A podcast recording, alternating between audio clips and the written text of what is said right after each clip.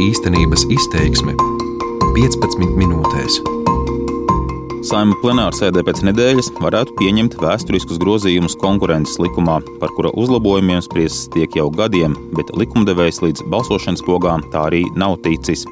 Atšķirībā no iepriekšējā saimnes sasaukuma, kurā bija vērojama izteikta pašvaldību ietekme, 13. saima ir apņēmusies stingri noteikt divas lietas. Publiskajam sektoram ir pienākums nodrošināt godīgu konkurenci, bet, ja uzņēmēji riteņos liks sprunguļus, konkurences padome vietvaras drīkstēs sodīt. Mans vārds ir Edgars Kupčs, un šajā īstenības izteiksmē plašāk par to, kā pašvaldības un valsts iestādes atņem maizi privātajam biznesam, kādas tam ir sekas un kas mainīsies nākotnē. Labdien! Kupčs Edgars, Latvijas radio ziņas. Labdien! Pirms 160 gadiem celtā Bīriņu pils atrodas salīdzinoši tuvu Rīgai, ir netālu no Siguldas un Salkrastu jūrmalas. Plašāku sabiedrības interesi Bīriņu pils raisīja pirms desmit gadiem, kad tur sāk filmēt ārskatus populārajam seriālam Ugunsgrēks. Tomēr Bīriņu ikdiena ir viesu uzņemšana. Mani sauc Salvita Možniece. Mēs atrodamies Bīriņu pilī, Bīriņu pils restorāna zālē konkrētāk.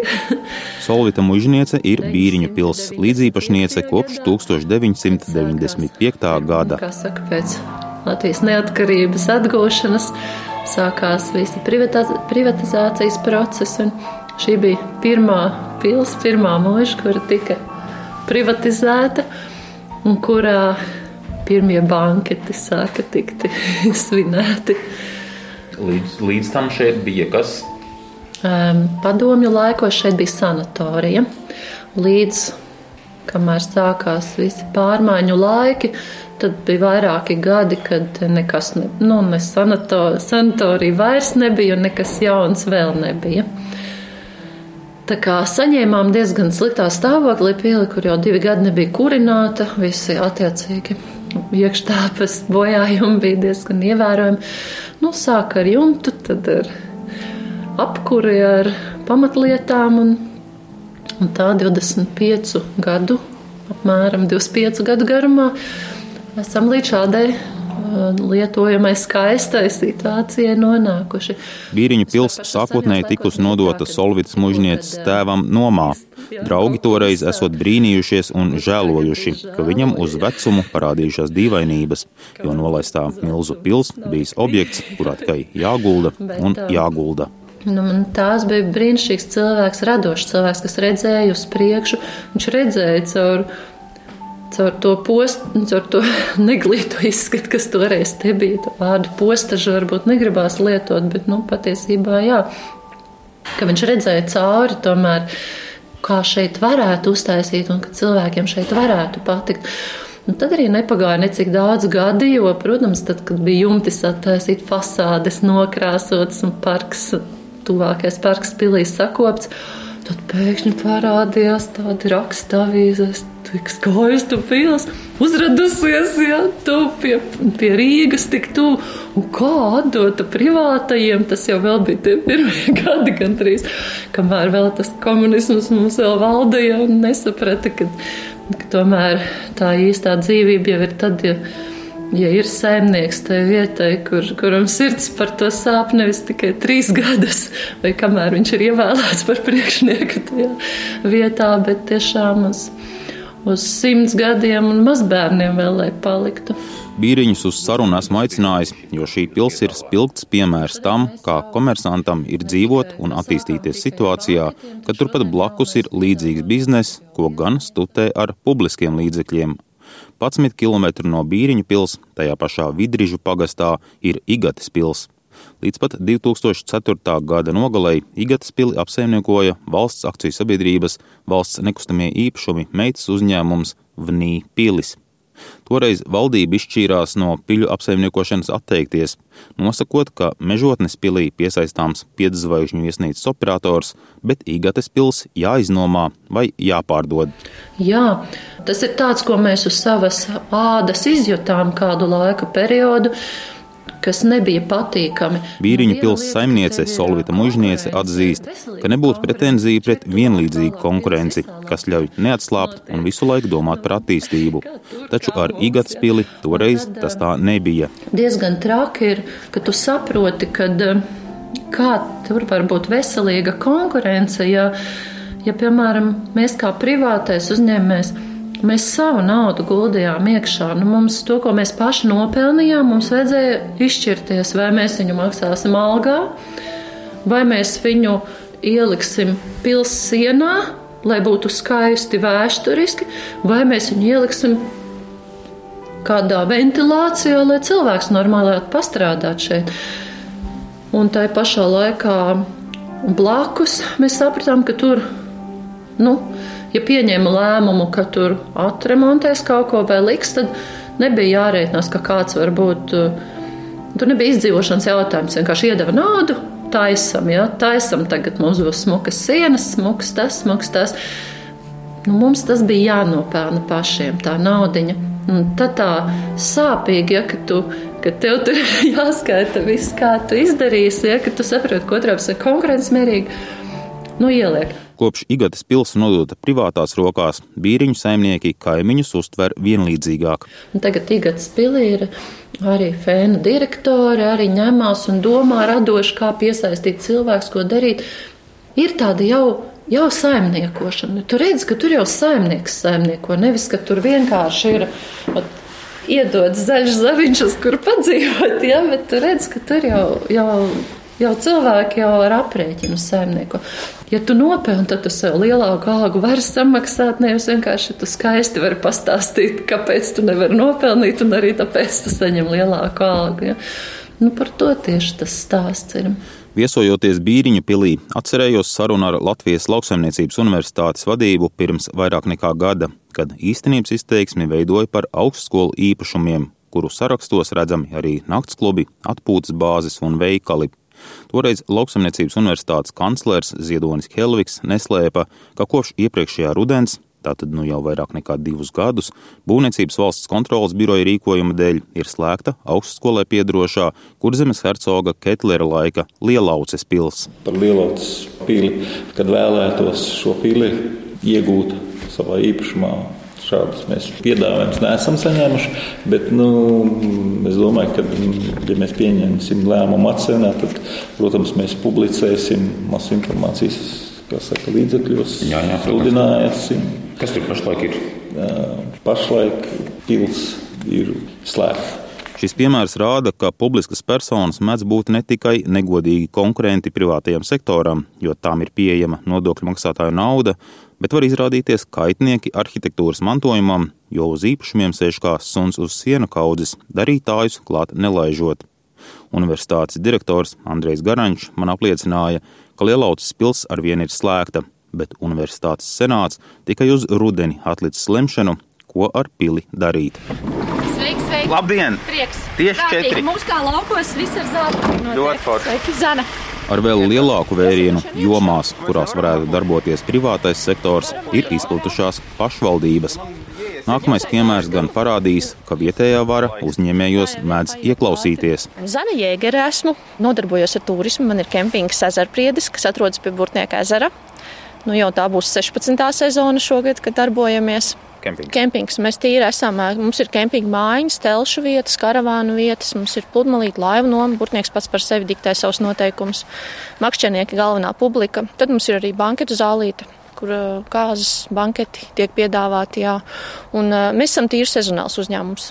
Strādājam no maija līdz oktobrim. Ezera priežu interneta lapā redzams, ka cenas ir no 3 eiro par telts vietu līdz 350 eiro par svinību zāles nomu kāzām.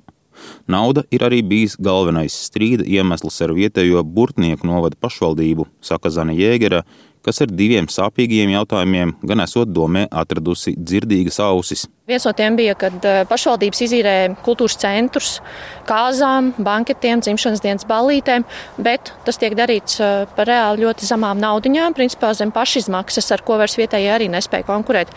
Un, eh, respektīvi, tas klients, kas aiziet uz pašvaldību par lēto naudiņu, to zaudē vietējais uzņēmējs.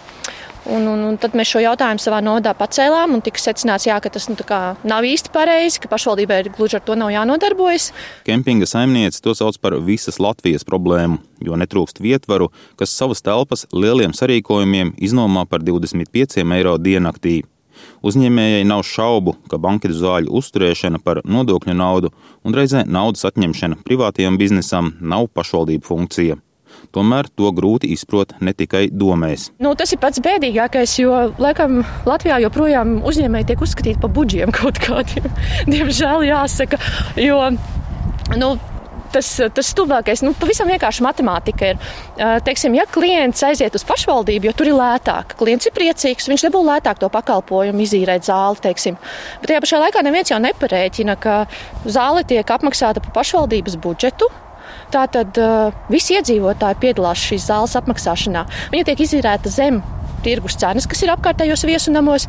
Tātad visi novada iedzīvotāji apmaksā, piemēram, šīs kāzas, plus vēl arī tas vietējais uzņēmējs caur nodokļiem ir apmaksājis tās kāzas, kas tur var būt pa godīgu konkurenci. Par to, kā pašvaldības kropļo konkurenci, gadiem ir klaigājusi konkurences padome. Tomēr tālāk par dūru vicināšanu un draudzīgiem aicinājumiem nejaukties privātu biznesā, tai liegušas ierobežotās pilnvaras. Vairāk nekā desmit konkurences skropļošanas piemēru ar Liepāju, Bausku, Rēzekni, Jūrmalu, Ludzu un citām domēm varat apskatīt pie šī raidījuma publikācijas sabiedrisko mediju portālā LSMLV. Turpinājumā uzskaitīšu trīs gadījumus, ko pieļāvusi korupcijas skandālā ierautā Rīgas domas kompānija Rīgas satiksme tirgus dalībnieku diskriminācija. Rīgas satiksme piešķīra ekskluzīvas tiesības uzņēmumam JC Deco izvietot reklāmas sabiedriskā transporta pieturvietās Rīgā. Konkurence Euro AVK darbību izbeidza pirms trim gadiem. Rezultātā tirgū palikuši tikai divi būtiski spēlētāji un izteikti samazinājās konkurence. Priekšrocību radīšana savai kapitāla sabiedrībai. Uzņēmumu Rīgas satiksme un Rīgas karte nepamatota atteikšanās slēgt līgumu par rīznieka kartes 20% atlaides piemērošanu privātu kompānijas mobilī klientiem norēķinos par Rīgas satiksmes stāvvietām. Privātu uzņēmumu darbības apgrūtināšana. Rīgas satiksme ilgstoši nerīkoja iepirkumu, lai nodrošinātu elektronisku jeb SMS iespēju norēķināties par maksas stāvvietām. Vēlāk Rīgas satiksme tam nolīga sev daļēji piederošo uzņēmumu Rīgas karte. Vienlaikus Rīgas satiksme agresīvi pauda plānus pārtraukt sadarbību ar mobilī, kas SMS norēķinus nodrošināja līdz tam.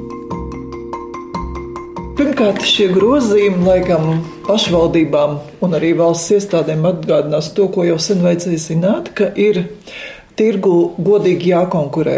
Ja pašvaldības vai valsts iestādes dibina savas kapitāla sabiedrības. Un tas, laikam, pat tas būtiskākais, ko mēs eh, šobrīd esam panākuši. Tā ir Skaidrīta Ābrama, konkurences padomas priekšsēdētāja. Viņa uzsver, ka pēdējo septiņu gadu laikā pašvaldību un valsts kapitāla sabiedrību jaukšanās tirgū un konkurences kropļošana ir tikai vairojusies. Rīgas satiksmi viņa sauc par antirekordisti bet arī citās pašvaldībās pārkāpumu netrūkst. Ļoti daudz sūdzību no uzņēmējiem pērn vien tas bijis vairāk nekā 50, un arī sabiedrība to jau ilgstoši norādījusi, ka tā ir viena no divām lielākajām problēmām Latvijā. Tātad uh, publisku personu iejaukšanās komercdarbībā un uh, konkurences vides uh, kropļošana. Ko dos šie grozījumi? Jā, tātad pirmkārt grozījumi dos iespēju konkurences padomēji uzsākt pārkāpuma lietu. Tā kā principā trīs pamatnoteikumi e, būs aizliegts radīt nepamatotas priekšrocības, būs aizliegts diskriminēt tirgus dalībniekus un būs aizliegts veikt tādas darbības, kuru dēļ citi, teiksim, ir spiest atstāt tirgu vai citiem tiek kavēta attīstība. Kā negatīvu aspektu Ābrama min likumdevēja nevēlēšanos konkurences padomē ļaut arī atcelt pašvaldības saistošos noteikumus, jo mēdz būt gadījumi, kad uzraugi norāda uz pārkāpumiem, bet domes tos legalizē, pielāgojot savus noteikumus. Taču nu uzraugiem plānots iedot sodīšanas funkciju. Ar tādu rosinājumu saimā nācis deputāts Daniels Pavļuts no attīstībai pār. Konkurences likuma izpratnē bijis tā, ka attiecībā uz privātiem uzņēmumiem ir bijis pienākums ievērot godīgu konkurenci, un, un tā savukārt pašvaldību uzņēmumiem, valsts uzņēmumiem nē. Nē, ja, tad, tad viņiem nav likumā rakstīts, ka uz viņiem attiektos šis godīgs konkurences pienākums. Šī situācija jāizbeidz. Mēs esam bijuši neatkarīgi nu jau gandrīz 30 gadus, un, un, un tad brīvas konkurences, godīgas um, konkurences nosacījumi ir attiecināmi uz visiem uzņēmumiem, vai tie ir valsts pašvaldības vai privāti. Nu, es savukārt no savas puses arī ierosināju papildus noteikti iespēju konkurences padomē noteikt sodus Šādos gadījumos tad attiecīgi konkurences padomu būs tiesīgi turpmāk arī piemērot sodus, līdzīgi kā privātiem uzņēmumiem. Maksimālais sots par konkurences kropļošanu varētu būt līdz 3% no kapitāla sabiedrības gada apgrozījuma. Tādas sankcijas un stingrāku kārtību atbalsta Pāvļuta partijas biedrs, pašreizējais pašvaldību lietu ministrs Juris Pūce. Tas ir labs priekšlikums un labi, ka viņš iet uz priekšu. Kopumā konkurences padomēji ir jābūt uzraudzības funkcijai attiecībā uz pašvaldību eh, darbību, eh, komercdarbībā. Diemžēl iepriekšējā pieredze liecina, ka pašvaldības mēdz to likumu nepārāk ievērot, un es to pilnībā atbalstu.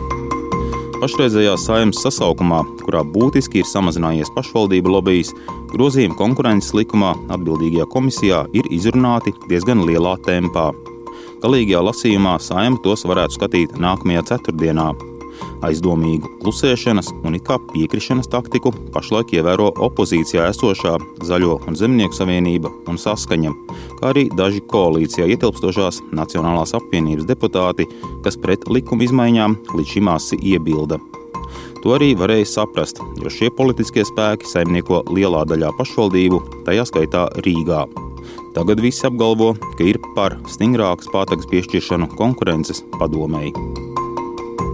Šo raidījumu gatavoja Edgars Kupčs un skaņu operators Kaspars Groskops.